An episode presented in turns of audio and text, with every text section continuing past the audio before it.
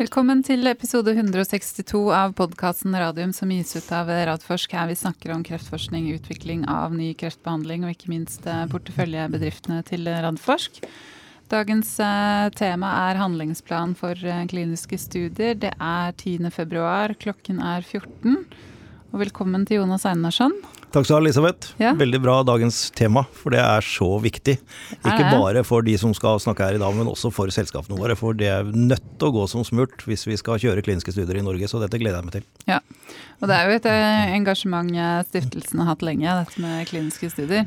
Det har vi. vi, vi eh, første engasjementet var vel egentlig vi kjørte en sånn eh, lean-prosess på utprøvingsavdelingen i, eh, her på Radiumhospitalet for i hvert fall ti år siden. Som vi, eh, Tolv, tror jeg. Tolv år siden som Ja. vi finansierte. Så det var vår første engasjement i det. Så vi har absolutt vært engasjert i dette. Ja. Så bra. Og så er det hyggelig å ønske velkommen til Marianne van der Weel, som er ansvarlig for handlingsplanen for kliniske studier, og som jobber i Helse- og omsorgsdepartementet.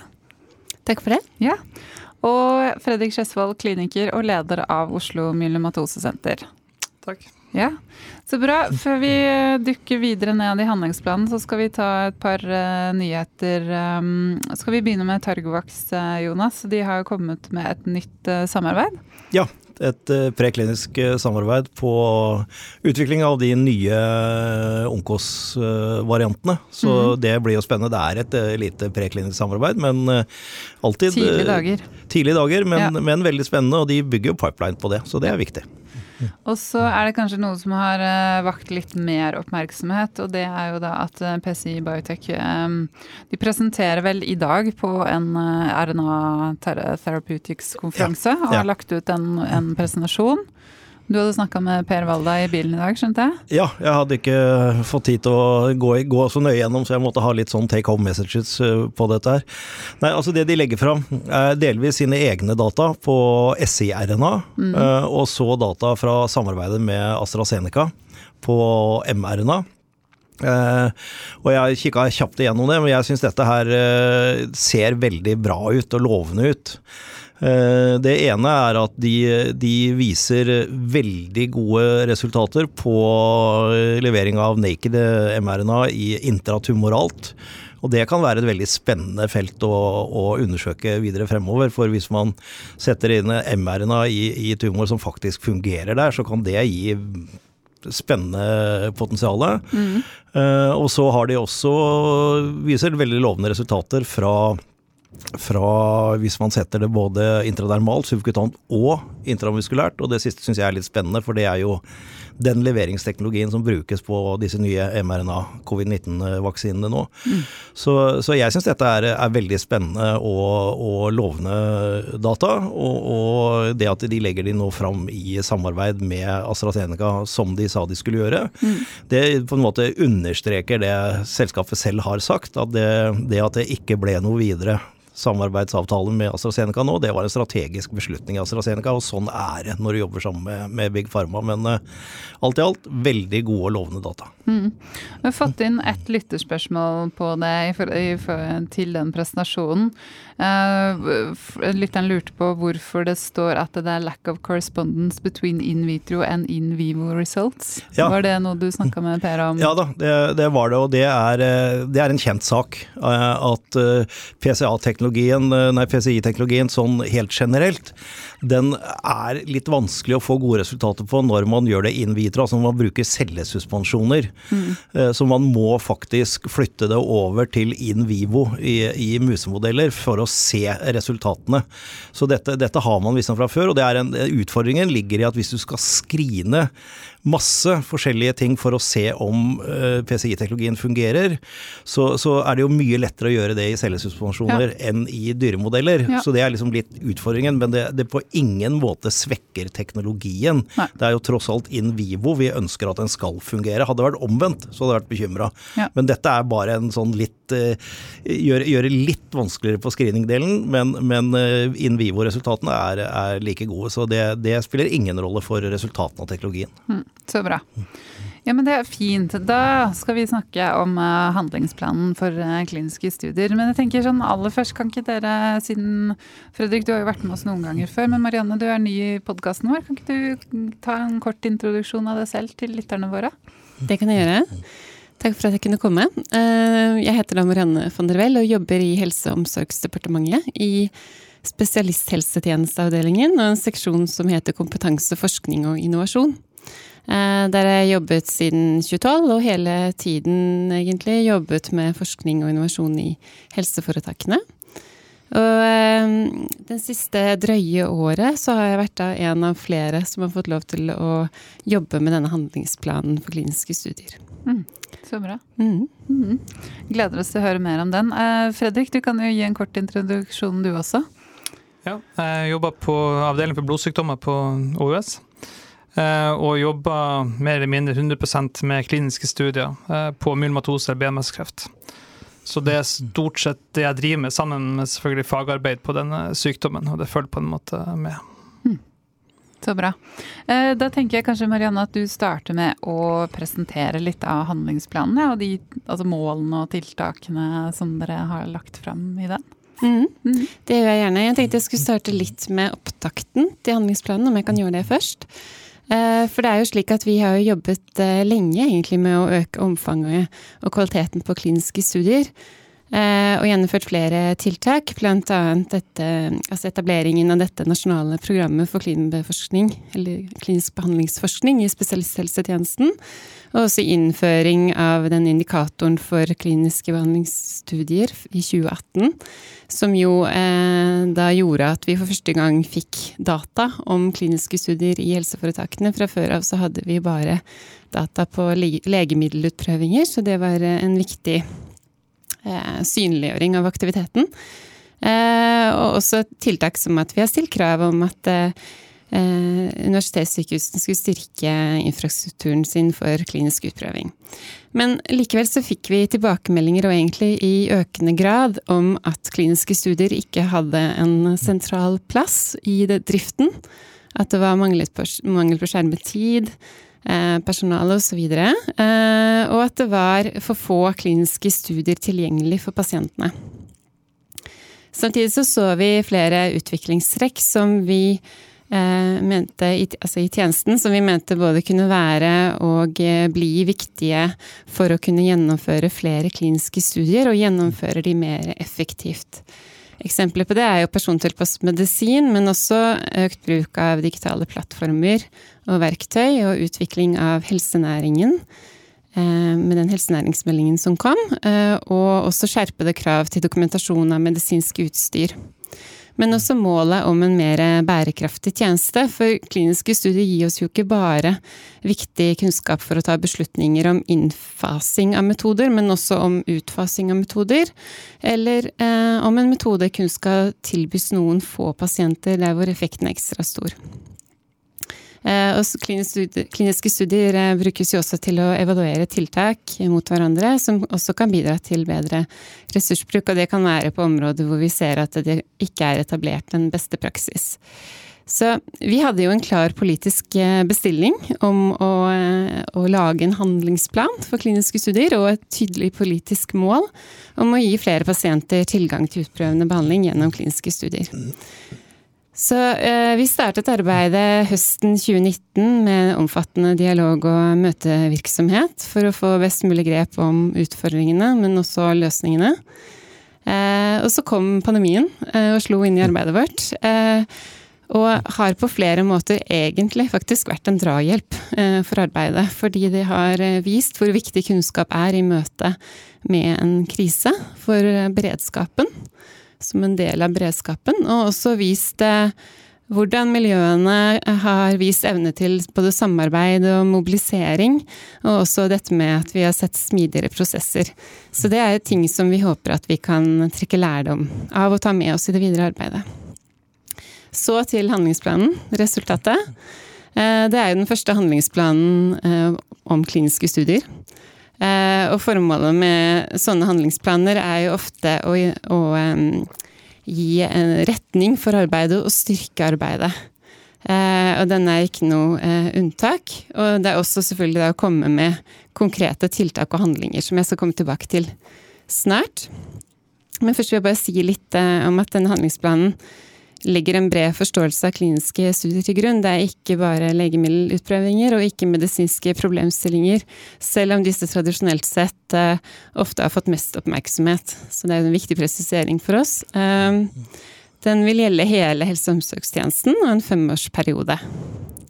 Uh, oppfølgingen av handlingsplanen vil kreve samarbeid fra en rekke aktører. Altså både myndighetene, tjenesten, Eh, utdanningsinstitusjoner, eh, næringslivet og pasient- og profesjonsorganisasjoner. Eh, så tenkte jeg skulle si litt om visjonen. Regjeringens visjon er at klinisk forskning skal være en integrert del av klinisk praksis og pasientbehandling. Og var det ett budskap som gikk igjen i de møtene vi hadde, så var det dette om den integreringen. Så det har vi virkelig tatt, tatt med oss. Eh, og skal vi nå eh, denne visjonen, så krever det en kulturendring. Men det krever også smidigere gjennomføring. Så det betyr at en, en rekke ting eh, må skje, og de må bygge på hverandre. Det er litt sånn at hvis ikke vi får til den ene, så faller den andre. Jeg tenkte bare skulle mm, utdype litt hva vi mener med det. Fordi noe av det visjonen innebærer, er at Pasientmøter må ses på som en kilde til kunnskapsgenerering og forskning. Og dette med at vurderingen av om en pasient skal delta i en klinisk studie, må bli en naturlig del av den vurderingen som gjøres når en pasient vurderes for diagnostikk, behandling eller rehabilitering. Eh, og at de pasientene som er aktuelle, de må fanges opp systematisk. Og det krever at eh, Eller det betyr jo at leger må få tilgang til god informasjon om hvilke kliniske studier som finnes, og de må ha gode systemer for å kunne henvise pasientene sine videre. Og det betyr også at de må ha ledere som eh, legger til rette og sørger for at det er både tid og muligheter for å drive med klinisk forskning for de av helsepersonellet som ønsker å ha en karriere innenfor dette. Eh, og hvis vi på en måte zoomer litt ut, så betyr det også at systemet i stort, altså finansieringsordninger, IKT-løsninger, godkjenningsordninger, regelverk osv., eh, legger til rette for at systematisk kunnskapsoppbygging kan bli en del av pasientbehandlingen. Så dette er endringer som vi tror må gjennomsyre tjenesten i de årene som kommer. Og det er ikke sikkert at vi kommer i mål i løpet av handlingsplanens periode, men vi tror likevel at det er viktig å holde fast ved denne visjonen, skal vi få til den endringen som vi mener eh, vi trenger da. Eh, og så er det to målsetninger for handlingsplanen, hvor den ene er at eh, langt flere pasienter enn i dag skal få mulighet til å delta i kliniske studier. Og så vet vi at det er stor variasjon mellom fagfeltene på, eh, på, kreft, så vil jo det måltallet som vi har satt for handlingsplanen, være lavt. Mens for andre eh, fagområder så vil det være høyt. Eh, vi vet jo at eh, for å bli et comprehensive cancer center, så må du ha er det vel et krav om 10 eh, Så det, det, dette vil variere litt fra fagområdene. Eh, den andre målsetningen handler om at eh, andelen kliniske studier som rekrutterer pasienter i sykehusene skal være doblet i 2025, dvs. Si i løpet av handlingsplanens varighet. Og det bringer oss tilbake til det nivået som vi var på i 2000. Men det som er verdt å merke seg der, at det var da kun eh, data om legemiddelutprøvinger vi hadde på den tiden. Nå har vi da data om alle de ulike kliniske studiene som gjennomføres i sykehusene. Dette er ambisiøse mål. Og det andre målet det krever en økning på 15 årlig.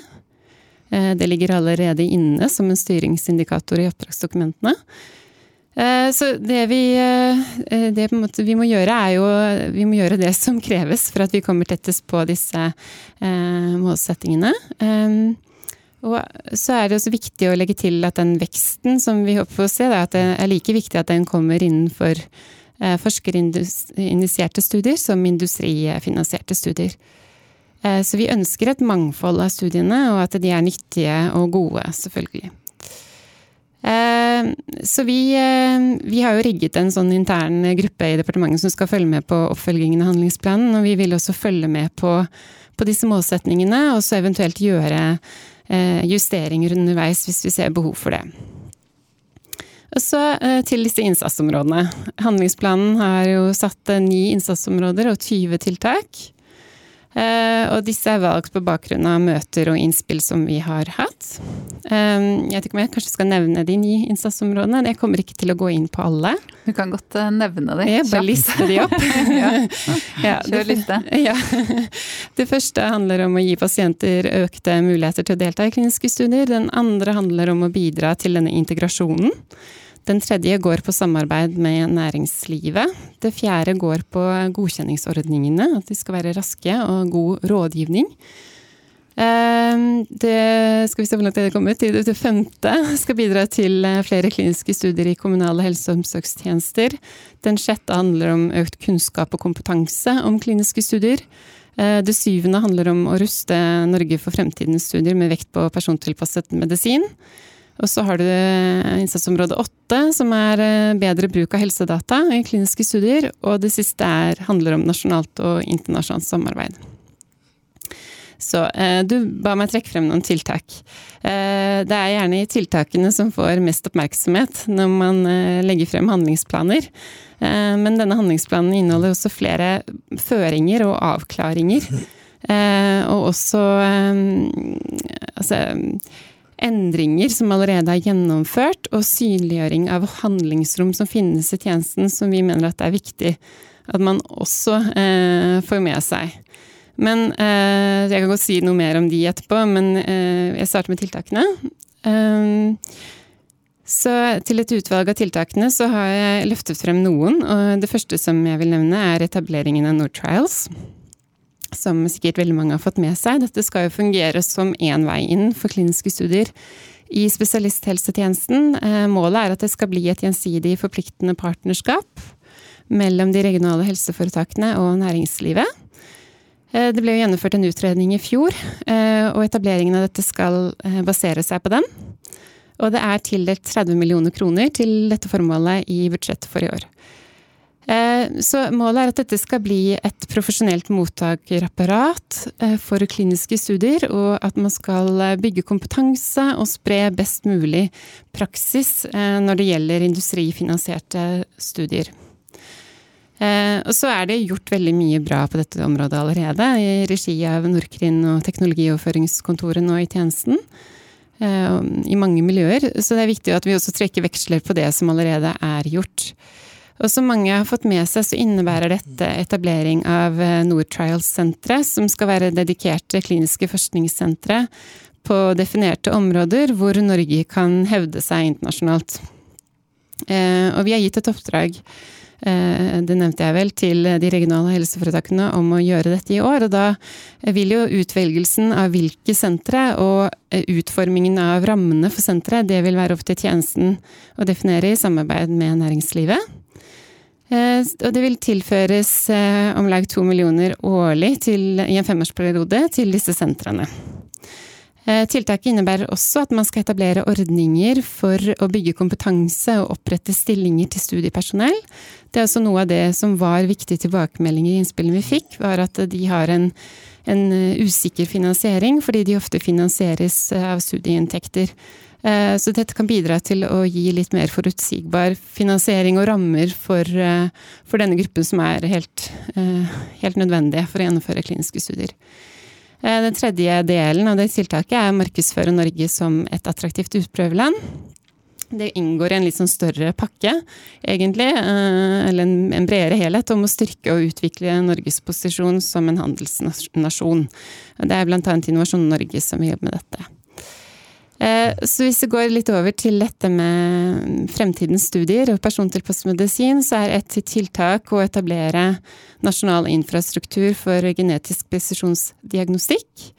Eh, vi har fått klare tilbakemeldinger på at dette ofte er en forutsetning for at pasienter kan få tilgang til utprøvende persontilpasset behandling gjennom kliniske studier. Ekspertpanelet har vært tydelig på at eh, det at pasienter ikke har tilgang til det i Norge, gjør at de ikke får delta i kliniske studier i utlandet.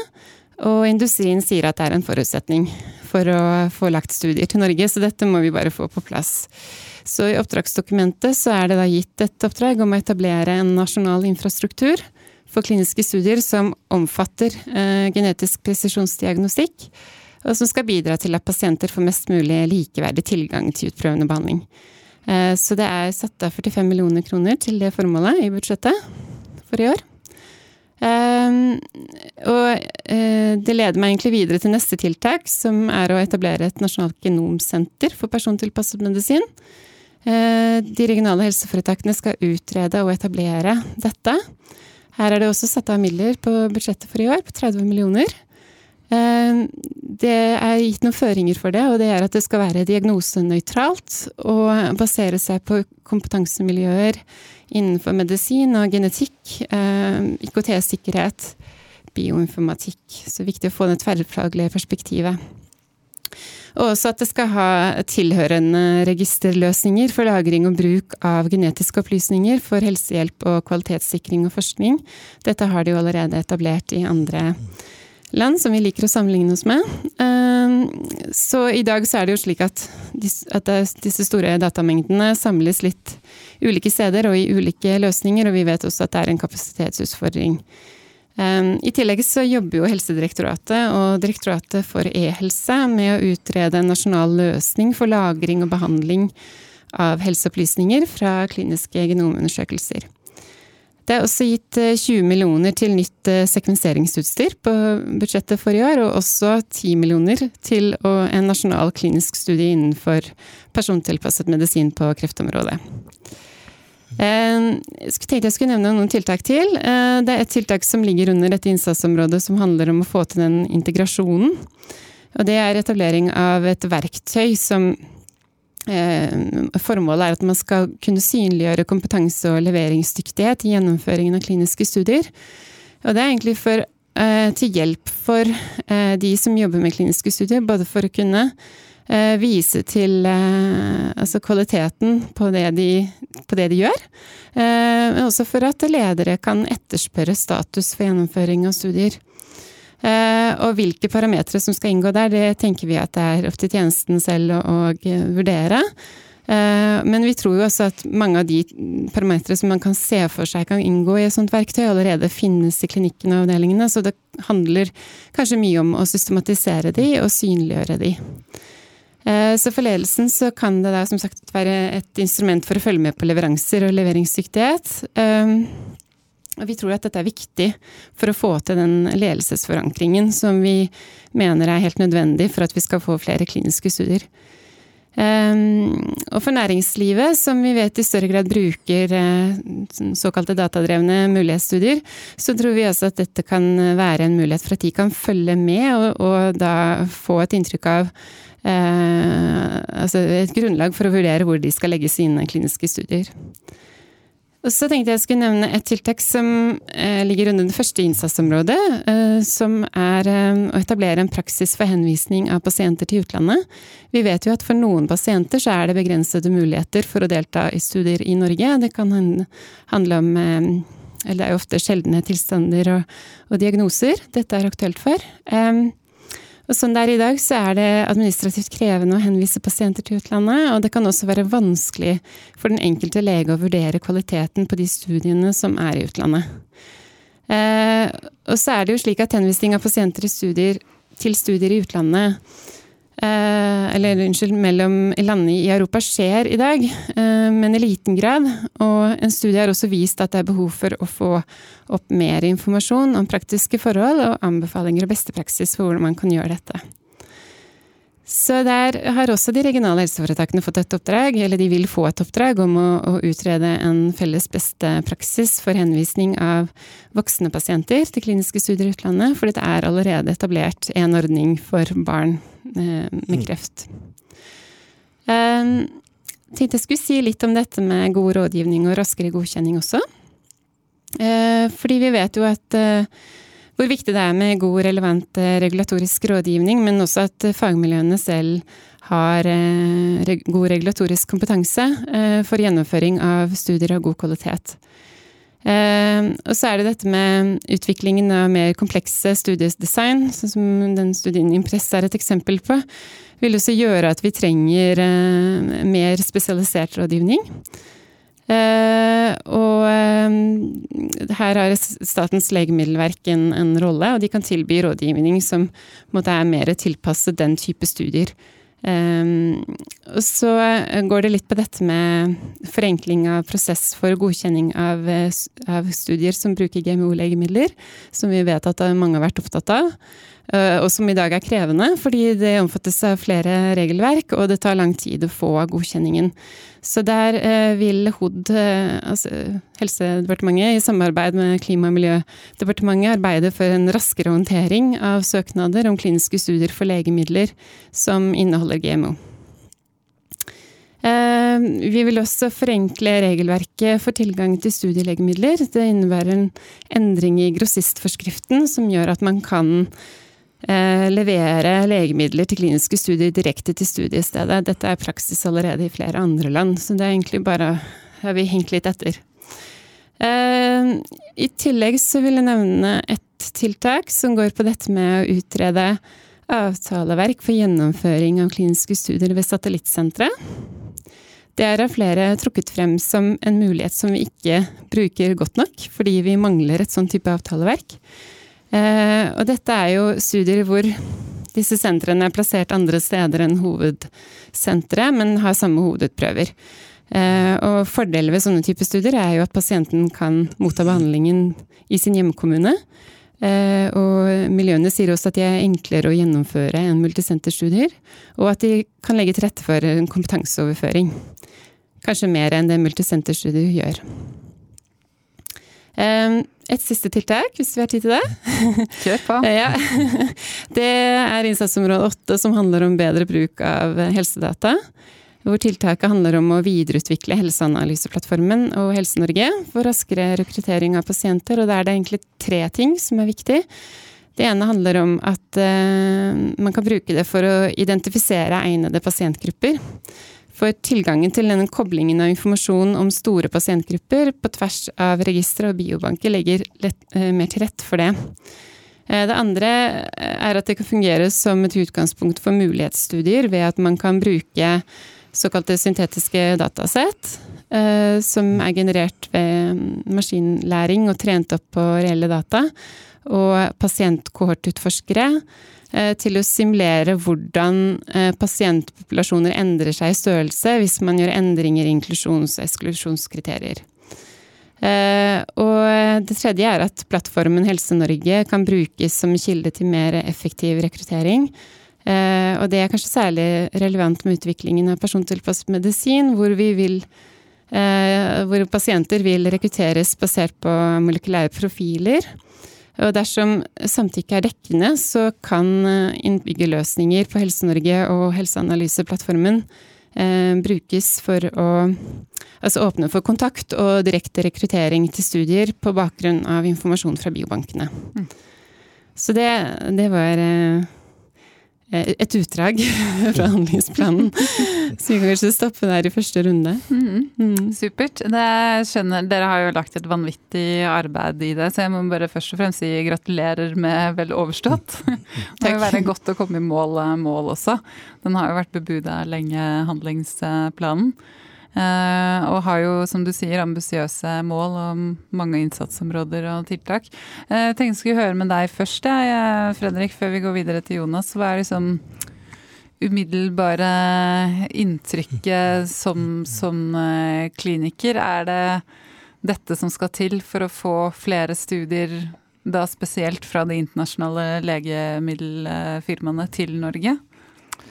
Uh, først må jeg også berømme uh, regjering og departementet, fordi å se en sånn innsats som legges ned for å få uh, noe som, som, jeg og mange med meg syns er så viktig for pasientene og for sykehusene, det er vel verdt en, en, både en applaus og, og skryt. Og det, det, er veldig behagelig å, å, drive med dette arbeidsfeltet og se at måte, det er så ønska av, av Eh, av regjering, politikere og, og, og dets like. Um, så har de jo gjort en veldig god jobb med å finne ut hva problemene er. Uh, og beskrivelsen er jo veldig god. Det har jo også vært unison tilbakemelding til dere fra. Um, og de har også skjønt og lært seg at dette det er veldig komplekst. Det er veldig mange ting som må gjøres noe med. Um, og på mange felter så, så, så, gjør de det veldig bra, tenker jeg. Jeg tenker Eh, men det er på en måte noen av de enkle feltene. da. det er veldig viktig å gjøre noe med den GMO-problematikken som vi sjøl var oppe i i fjor. Mm. Kjempevanskelig. Veldig viktig å, å gjøre noe med den, den grossistbiten, som også gjør ting enklere for oss regulatoriske tingene kan også gå raskere, selv om jeg ikke har sett på det som noen stor hindring. Men, men, det er jo alltid bedre med ting som går raskere, og vi ville kunne delta tyngre da, hvis, hvis vi er raskere i gang. Og så syns jeg at man, det burde være relativt enkelt å få i stand en, en utveksling av studiepasienter over landegrensene. Det er kun byråkrati som er problemet her, det er ikke noe økonomi. Det er rett og slett besparet. Bes, jeg, har, jeg har pasienter som går i studie i utlandet, uføretrygda betaler reisende opphold sjøl, må slutte på behandlinga fordi sykehuset deres velger å ikke betale reise og opphold, og må komme hjem og få veldig dyr behandling isteden. Det er helt meningsløst. Så disse tingene er veldig bra, veldig enkle å gjøre noe med. Eh, og bra at det er tatt tak i. Det som er veldig vanskelig, eh, det er å få industristudier til Norge. Det, det, det, er mer komplekst enn de fleste vet, bortsett fra de som virkelig har prøvd på det. Um, ut, jeg må nesten si det for å si at jeg vet hva jeg snakker om. Det, I Norge de siste fem årene så er det ingen som har fått flere industristudier til Norge enn meg. Så, så jeg har jeg, jeg, vet litt hva som skal til. Uh, og i hovedsak er det, er to ting. Det ene er at den som jobber med dette, hvis man skal jobbe med flere studier, er nødt til å ha avsatt tid. Det er ingen tradisjon i Norge i det hele tatt for å sette av tid til å drive med industristudier. Det skal du gjøre ved siden av. Da klarer du kanskje én til to studier, og så er du på en måte fylt opp eh, med det du ellers måtte gjøre. Det vi gjorde med min jobb, at jeg ansatte meg i 30 stilling. Eh, og etter hvert som det ble for mye jobb, så økte det til 50 til 70 til 100. Nå jobber jeg bare med det. Og, og akademiske studier også, men det, det, får man på en måte gjort i tillegg. Um, det som jeg hadde Og så er det fint at de måler pasienter i studier, studier, publikasjoner. Men det har i mange år vært sånn at det er økonomiske insentiver for avdelinga for publikasjoner. Og dette utvida verktøyet, men verktøyet er det samme. Det er måling av resultater, og det har vært lenge. Så at man legger inn studietall og pasienttall inn i det, jeg er usikker på hvor mye det kommer til å bety. Rett og slett fordi insentivene har alltid vært der, og det, jeg tror ikke det er nok. Det jeg hadde satt veldig pris på, som jeg tror hadde vært det mest effektive tiltaket som går an å gjøre, det hadde vært å sagt at en avdeling på et universitetssykehus, f.eks. En, en avdeling innen kreft, skal ha 5 et eller annet, 10% av sine årsverk skal være allokert til kliniske studier. Kanskje 5 er nok. Det er jo mange leger der. Sånne ting. Hvis det har blitt et krav om det, eller i hvert fall en måling på det, men jeg tror et krav hadde vært enda bedre, så hadde du faktisk satt av tid til dette. Og jeg tror det hadde vært mer virksomt enn å måle resultatene, for det er så langt fra du investerer i noe til du får resultatene ut. Uh, og må, Det må jobbes mye før det. Og da er det mye tyngre å sette i gang enn å, enn å, enn å, enn å, enn å bli målt på det du gjør med en gang, nemlig å sette av tid. Mm. Det er det ene store mangelen, syns jeg. Den andre store mangelen, og det er en mangel i hele denne diskusjonen, det er en mangel på forståelse på hvorfor man blir valgt som studiested. Uh, og dette er ikke berørt i handlingsplanen i det hele tatt på den vinklinga jeg skal nevne nå. Det er at, uh, og Jeg tok kontakt med Danmark som et eksempel. og De har en fase enhet på Rikshospitalet i Danmark som er veldig, København som er veldig kjent og gjør masse studier. Jeg tok kontakt med dem tidligere denne uka og spurte hva de tror Trial Nation har betydd for at de har fått studier dit. De trodde ikke at en eneste studie hadde kommet hit pga. Trial Nation. Det har ingen betydning det som alle sier som har mange kliniske industristudier, det som betyr noe for å få de til, til land eller site, det er eh, tillit, tilliten til og renommeet til den som er investigator. Og det globale som bestemmer dette, sitter gjerne i USA de kjenner personene stort sett som de gir studier til. Spesielt attraktive studier. Fase 1-studier, immunterapistudier. De, de, gir ikke det bare til en anonym person i et land som har levert en feasibility der det står at de har PET og uh, sequencing osv. Mm. Um, tillit og renommé, og så må du selvfølgelig ha en track record. Den kan du bare bygge opp gradvis. Og disse tingene henger sammen. Mm. Men med tillit tillit, renommé og i tillegg personlige relasjoner. Du får ikke studier uten personlige relasjoner, ikke attraktive studier. Og for å få det, så er du nødt til å delta på advisory board. Du må holde foredrag, du må være i kontakt med, med, med industrien på globalt nivå. Og Det betyr at hvis du er fersk i faget, så kan du ikke si nei til å ha kontakt med industrien på lokalt nivå, for du, du starta ikke i førstedivisjon. Du må på en måte jobbe deg oppover. Eh, og Problemet med dette er at dette ikke anerkjennes som noe viktig, og, og rett og slett motarbeides. På Radiumhospitalet er dette lite eh, på en måte, hva heter det, frowned upon på engelsk. Eh, dette, dette, ses ikke positivt på. Det ses positivt på hvis man plutselig blir bedt om å være på et globalt eh, vitenskapelig Edward, men, men, man begynner ikke der. Det er ikke sånn man kommer inn i dette miljøet. Så du er nødt til å være en samarbeidspartner, hvis ikke så får man ikke disse studiene.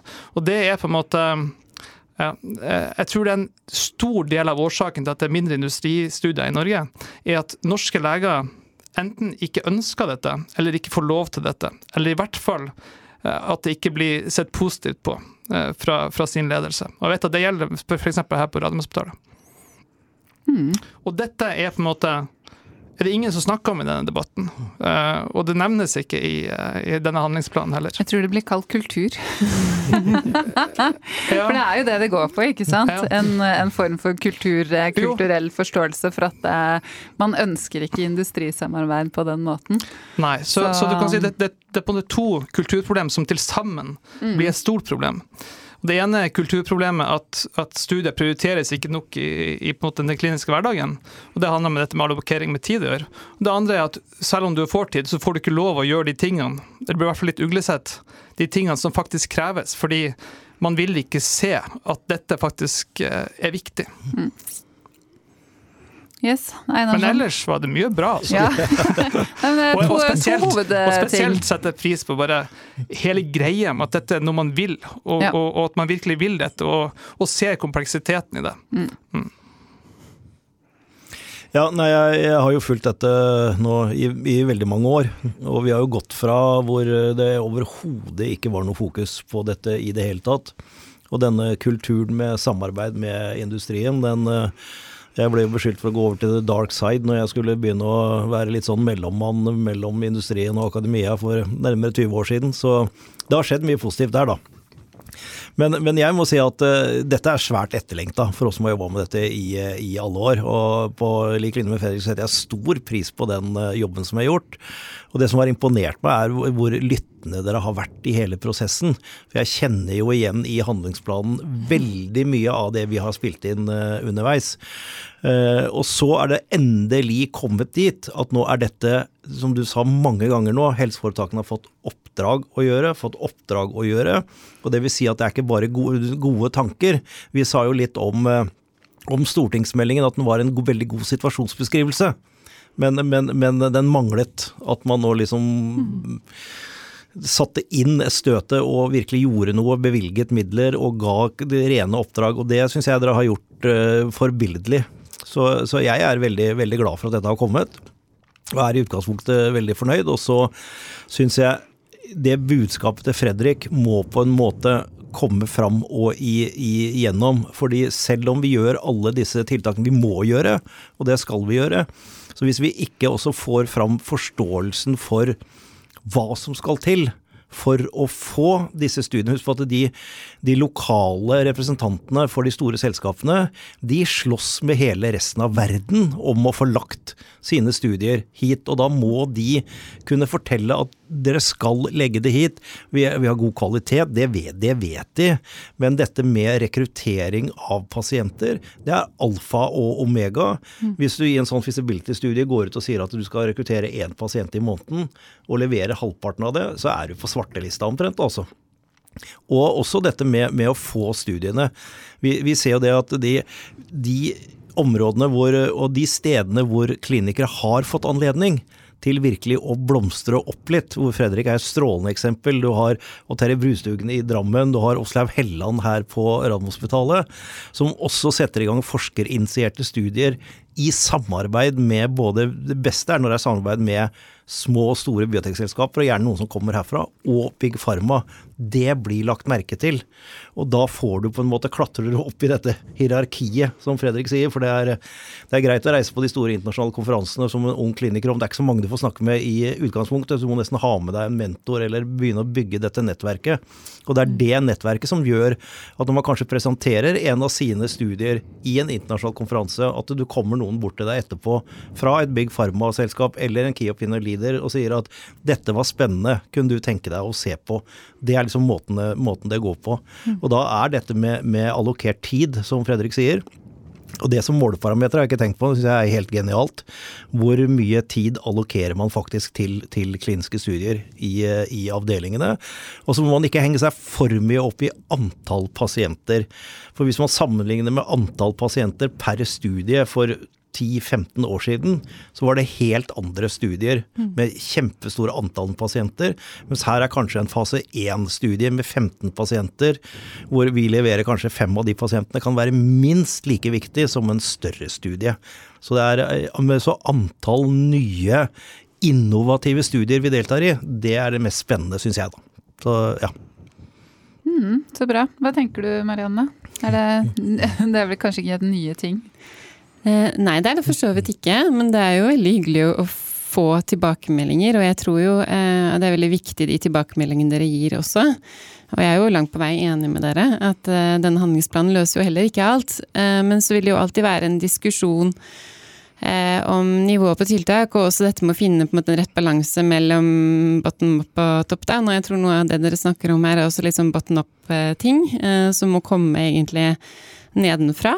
Eh, men jeg syns at eh, jeg syns dere har gode penger, og jeg tenker også litt til det som du sier, at eh, studiene blir jo Altså det å telle både pasienter og studier gir jo kanskje ikke Altså, vi ønsket å ha målbare måltall. Eh, men samtidig så vet vi jo også at eh, studiene som gjennomføres blir stadig mer komplekse.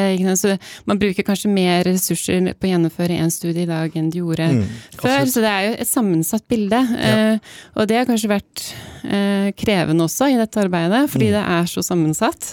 Og skal du både forklare utfordringsbildet, men også løsningene, så så krever det egentlig veldig mange flere sider enn det, det handlingsplanen ble på. Ja. Eh, så det er klart at eh, å nyansere og liksom vise frem kompleksiteten, det tror jeg er viktig i dette. Så tenkte jeg litt på det som du sa, Fredrik, dette med årsverk. Eh, for det vi ønsker å gjøre nå, vi måler jo dette med vi måler jo ressursbruk til forskning i helseforetakene, det har vi jo gjort i mange år. Og det vi ønsker å gjøre nå, er jo også å bruke denne helseklassifikasjonssystemet som vi bruker på resultater. Eh, det ønsker vi også å bruke på ressurser inn. Og der eh, vil man jo kunne nettopp se sant, på forskningsaktivitet, om det er hva slags type forskning årsverkene eh, plasseres under. Mm. Eh, så det kan jo gi en indikasjon på det, på det du sier. Mm. Fredrik? Ja, men du kan si um, Det er på en måte mange ting man kan gjøre med forskning. Og uh, hvis, hvis, jeg ansetter uh, Nå har vi fire stipendiater som driver med kliniske studier, og det er jo fire årsverk. De, de, de trekker jo opp uh, mye. Men de jobber med sitt prosjekt, som de skal publisere, osv. Men de trekker jo ikke til seg noen kliniske studier. De har jo sine prosjekt. Så det som er og dette har vi jo alltid gjort. Det har alltid vært en god del forskning eh, finansiert via forskjellige kilder. Men, men man har aldri Jeg kjenner bare til meg som eksempel, som har fått lov til det. Uh, uh, gitt tid til å drive med industristudier. Uh, og hvis du skal blande opp det i all annen forskning, så, så, så, blir ikke det synlig. da. Så hvis man ønsker spesifikt å få opp uh, antall kliniske studier, og industristudier spesielt, så, så, så, tror jeg det er den mm. viktigste biten å synliggjøre. altså. Da tror jeg Fredrik, at det, det, som er så viktig da, er nettopp det du sier. For du sa tid til å drive med kliniske studier. Og det er det vi har hørt i alle år. At man må liksom ha en egen tid til det, og så må man drive pasientbehandling ved siden av. Det er liksom den tankegangen vi må snu. Det fins ikke noe bedre pasientbehandling enn å inkludere en pasient i en klinisk studie. Nei, jeg er helt enig, men du trenger tid til å administrere de kliniske ja, det, er klar, det er jeg klar over, men det, men, tar... men det, er det gamle fra, fra, fra MD Anderson, for jeg hørte sjefen der sa for ti år siden. Hos oss så er kliniske studier en del av standard of care. Ja da, og jeg er på en enig i det, men det er en standard of care som tar mye mer tid per pasient. Eh, så du, du, kan ikke ha tolv pasienter mandag til fredag og samtidig i studier, og samtidig skal administrere dem. Nei. Eh, så, sånn at du er nødt til å se at det tar tid i tillegg, og det har nok de skjønt på MD Anderson for lenge siden. ja. Um, ja. Mm. Så der er det jo viktig med å ha det apparatet rundt. Ikke sant? Så kan gode studiekoordinatorer eh, blant annet, som kan, eh, kan følge Jo, opp. men det har man på en måte alltid anerkjent. det, er veldig fint at det er noen midler til det her, men da via sånne senter, så vidt jeg skjønte. Mhm. Eh, men jeg tror man aldri har vært vant til at leger har så mange studier at de ikke bare kan gjøre det på fritida ved siden av. Mm. Men for det første så, så er grunnen til at øh, så tror jeg den kapasiteten har gått ned, fordi hver studie krever så mye mer tid, også industristudier nå, enn de Mm. gjorde før. Så du kan ikke gjøre mange ved siden av.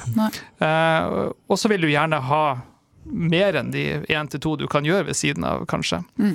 Eh, og så er jo kanskje eh, Leger er jo også blitt sånn, og det kan man jo forstå, at man ønsker jo at, eh, man sk at jobben skal være jobben. Ikke at du skal ha jobben, og så skal du ha jobben på fritida i, i tillegg. Selv om eh, et forskningsliv er jo til dels sånn, da, men, men man må finne en balanse der. Mm. Men jeg har bare lyst til å si, si en liten ting om denne én vei inn. Fordi det, det høres så flott ut, men jeg har, jeg har aldri faktisk skjønt hva greia med det er. Fordi altså eh, Alle industrifirmaer som skal eh, ha en studie i Norge, de vet jo hvem som driver med dette i Norge. Så sender de de feasibility-skjemaene som det heter dit, eller tar kontakt med dem. Vi har en studie.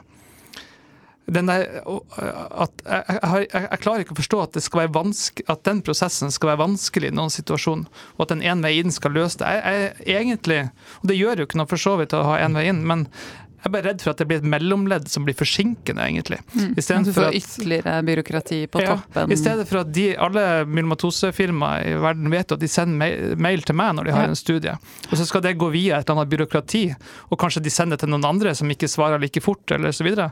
Nå tar de kontakt med meg, og så spør de hvem syns du vi skal ta med i studien i tillegg til Oslo. For sånn er det jo. Oslo er jo på en måte størst, og, de, og ville alltid ville være med, eller vi ville være ønska å være med eh, sammen med andre. Jeg tror jo andre får være med i studiet, også pga. oss, der det ikke hadde gått til Norge. øh, hadde ikke vært for oss. Men, men den er én vei inn. Jeg ser ikke hva den skal løse, og jeg ser egentlig potensielle problemer med det. Mm. Det, det er ikke sånn man får studiet. Marianne, hva tenker du? Dette er jo noe som er veldig etterspurt, eh, er vår opplevelse, da, eh, og har vist veldig til Danmark. Eh, men det Jeg tror at man kanskje må skille litt mellom de miljøene som har etablert sånne kontakter ut, og de som ikke har det. For de som ikke har det, så vil En vei inn kunne fungere som en portal, eh, hvor et, et miljø eller et selskap utenfor Norge kan kontakte og si at vi ønsker å gjennomføre en klinisk studie på dette og dette området. Hvor kan vi hende oss? Hvor har dere den og denne infrastrukturen? Hvor har dere Ikke sant? At, sånn at det, eh, det fungerer det, det er jo sånn som vi har sagt om oss at det skal være en sånn one stop shop, hvor du kan eh, rett og slett få den informasjonen du trenger, og så bli kanalisert videre. Hvis du ikke har allerede kontakter som, eh, som du har, Fredrik. Altså Man må ikke gjennom det systemet. Eller? Må, må. Spørsmål. Må, må jeg? Nei, det er, det er ingen som tvinger en til å gå igjennom det systemet. Nei. Men det skal jo være et tilbud for å legge til rette både for mer samarbeid, men også for, eh, som jeg var inne på, dette med kompetansebygging ikke sant? og gjennomføringen av den type studier. Ja da, men jeg tror på en måte en slags Og det kan godt hende at det har noe for seg eh, på områder som ikke jeg kjenner, osv. Men, men jeg tror nok likevel at hvis Norge ender opp med å få en, en studie gjennom det, der de ikke kjenner site og investigatoren fra før, så er ikke det en spesielt attraktiv studie, tror ikke jeg. Da hadde det ikke gått den veien. Da går de bare til de de vet hvem er, på en måte. Eh, Men, men det er bedre med eller, eller kanskje studier som er veldig, veldig store, da. Der man rett og slett eh, trenger veldig, veldig mange. Det er jo en del av de store fase tre-studiene som fremdeles går på kanskje andre typer områder enn kreft. Mm. Sånn type ja, ernæring. Mm. Og da, har du, og da er det nok kanskje da trenger man jo ja større Jeg læringsfelt. litt Tror, tror nok både Fredrik og jeg har en tendens til å bli litt onkologiblinde av og til, så, så jeg, jeg ser det. Og du har snakka om eh, en helt annen type kliniske studier i helse- og omsorgstjenesten og, og, og den type ting. Uttesting av medisinsk-teknisk utstyr, sånne ting. Har det helt sikkert noe for seg. Men det er viktig at det ikke blir en byråkratisk blokk for felt som fungerer på den måten som det gjør hos Fredrik. Så jeg tror det her, det her blir det litt Ole Brumm, altså. Ja takk, begge deler. Ja, det er viktig. Og det er jo det er jo så, for oss eh, så er det jo viktig å ha det brede perspektivet når vi lager en handlingsplan for Ja. kliniske studier. Eh, og så vet vi at det er veldig store forskjeller på fagområdene.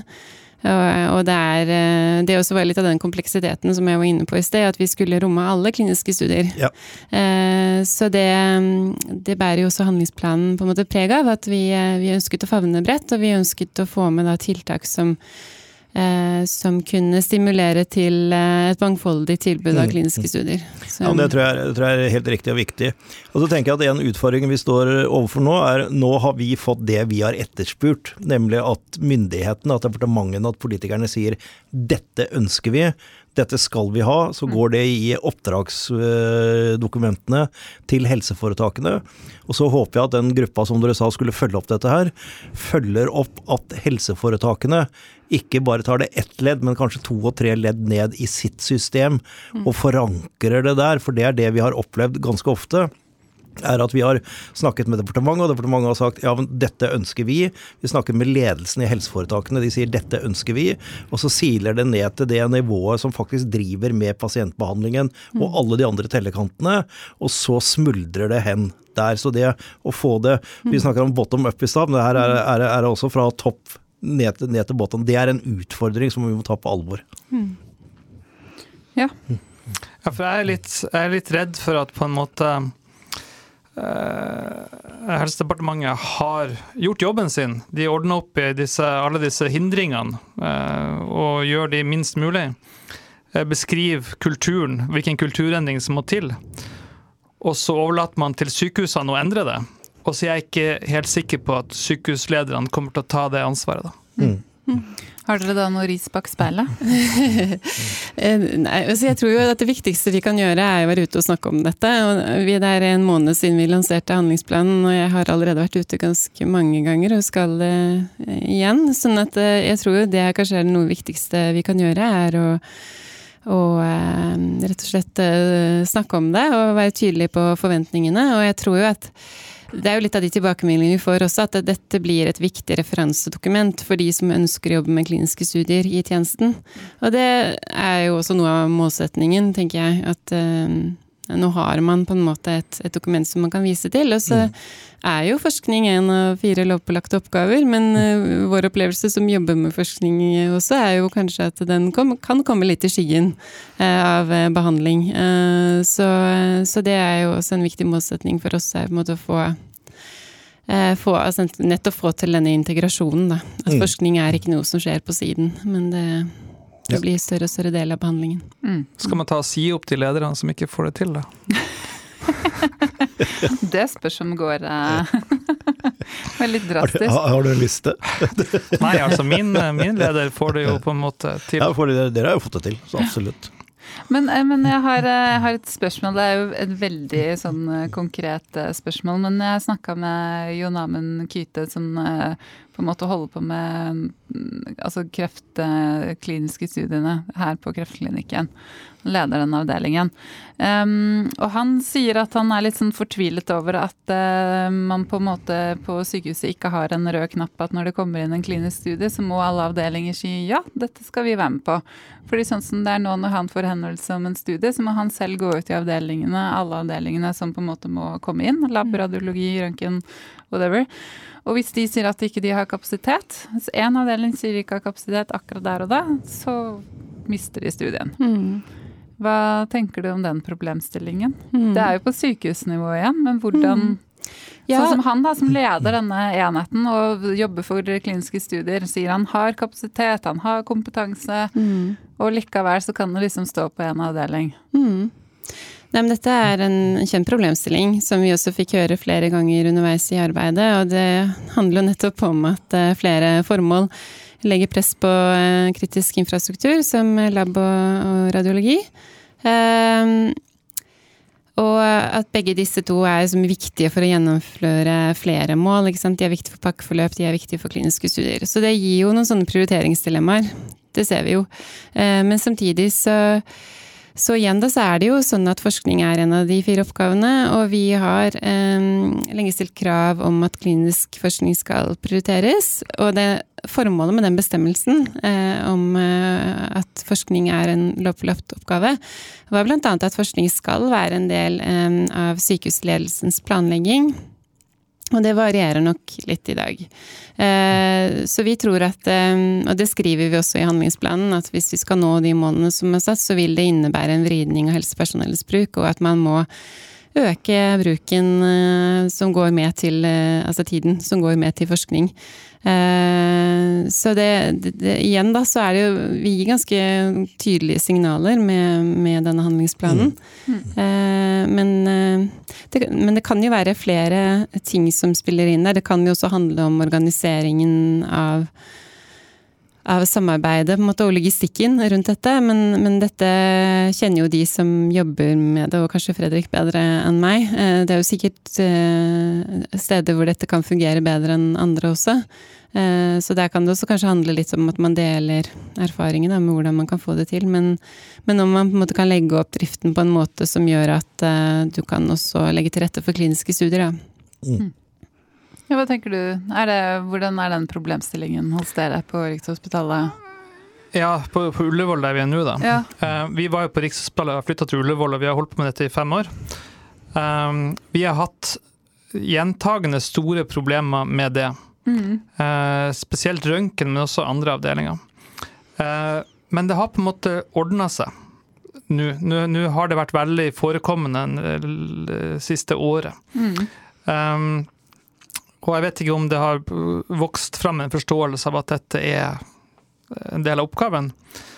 Eller om de har innsett det vi sa tidlig fra starten av, at de får jo mer, mer betalt for oss enn det de bruker tid til. Så de går jo økonomisk i pluss på dette. Mm. Um, vi tar oss ca. to undersøkelser om dagen, og for det betaler vi ca. en overlegeårslønn i året. Uh, bare finansiert av, av, av kliniske studier. Uh, så de, de, eneste som skjønte dette intuitivt, var jo apotekene. De skjønner jo at jo mer de sier ja til, jo mer penger tjener de. De er vant til å drive butikk, Og det gjelder jo alle de andre òg, men, men, for alle de andre så er det ikke en tankegang som, som mm. Ja, men det er det. Mm. Uh, og vi har akkurat nå hatt uh, en, en, en nytt, nytt medikament der man er redd for hudbivirkninger. Eh, og det er sånn, Alle nye medikamenter har noe forskjellige, så må vi ha kontakt med en ny avdeling. Mm. Og, og, de fleste har vært veldig forekommende. Vi har hatt veldig godt samarbeid med hjertelegene og med øyelegene, f.eks. lungelegene. Men hud de har ikke kapasitet i det hele tatt. De sier nei til alle studier utenfra. Og, og det begrenser jo oss. Nå prøver vi å få tak i privat hudlegesenter, men jeg, jeg syns det ser dårlig ut utad. At ikke OUS kan på en måte mm. uh, serve en, et par hudvisitter per pasient, på en måte. Mm. Og, de har helt sikkert kapasitetsproblemer, jeg underkjenner ikke det, men, men, men, det er på en måte en, en del av bildet. da. Mm. Nå vet jeg at Jon Amund og gutta di har hatt enda større problemer med dette, radiologien og sånn på, mm. på, på Radiumhospitalet. Men mitt inntrykk tidligere på Ullevål eh, var at de, og, og, og Riksen var at de sa nei nesten som for sikkerhets skyld at de var redd for å få for mye å gjøre. For det var jo litt langt eh, stykke fram i tid, det var ikke så mange pasienter. Men sånn for, for å ikke, ikke, ikke, havne i uføre, så sa de heller nei enn å si ja. Og det er jo en, en, en på en måte, Det der funker jo ikke. Det er en kultur som bare må endres. Og i, husker i fjor en gang så kom det en, en mail, dette var kanskje september 19, så kom det en mail fra Røntgen om at nå, eh, på ubestemt tid, sier vi nei til alle studier ved Ullevål. Ja. Og det tok vi opp, opp, i systemet, og det fikk de ikke lov å si. Eh, mm. Men eh, så må jeg legge til at nå har det vært veldig enkelt. Ganske lenge, egentlig. Mm. Så det har på en måte blitt en, en forståelse der, i hvert fall. Mm. Det er det. Ja.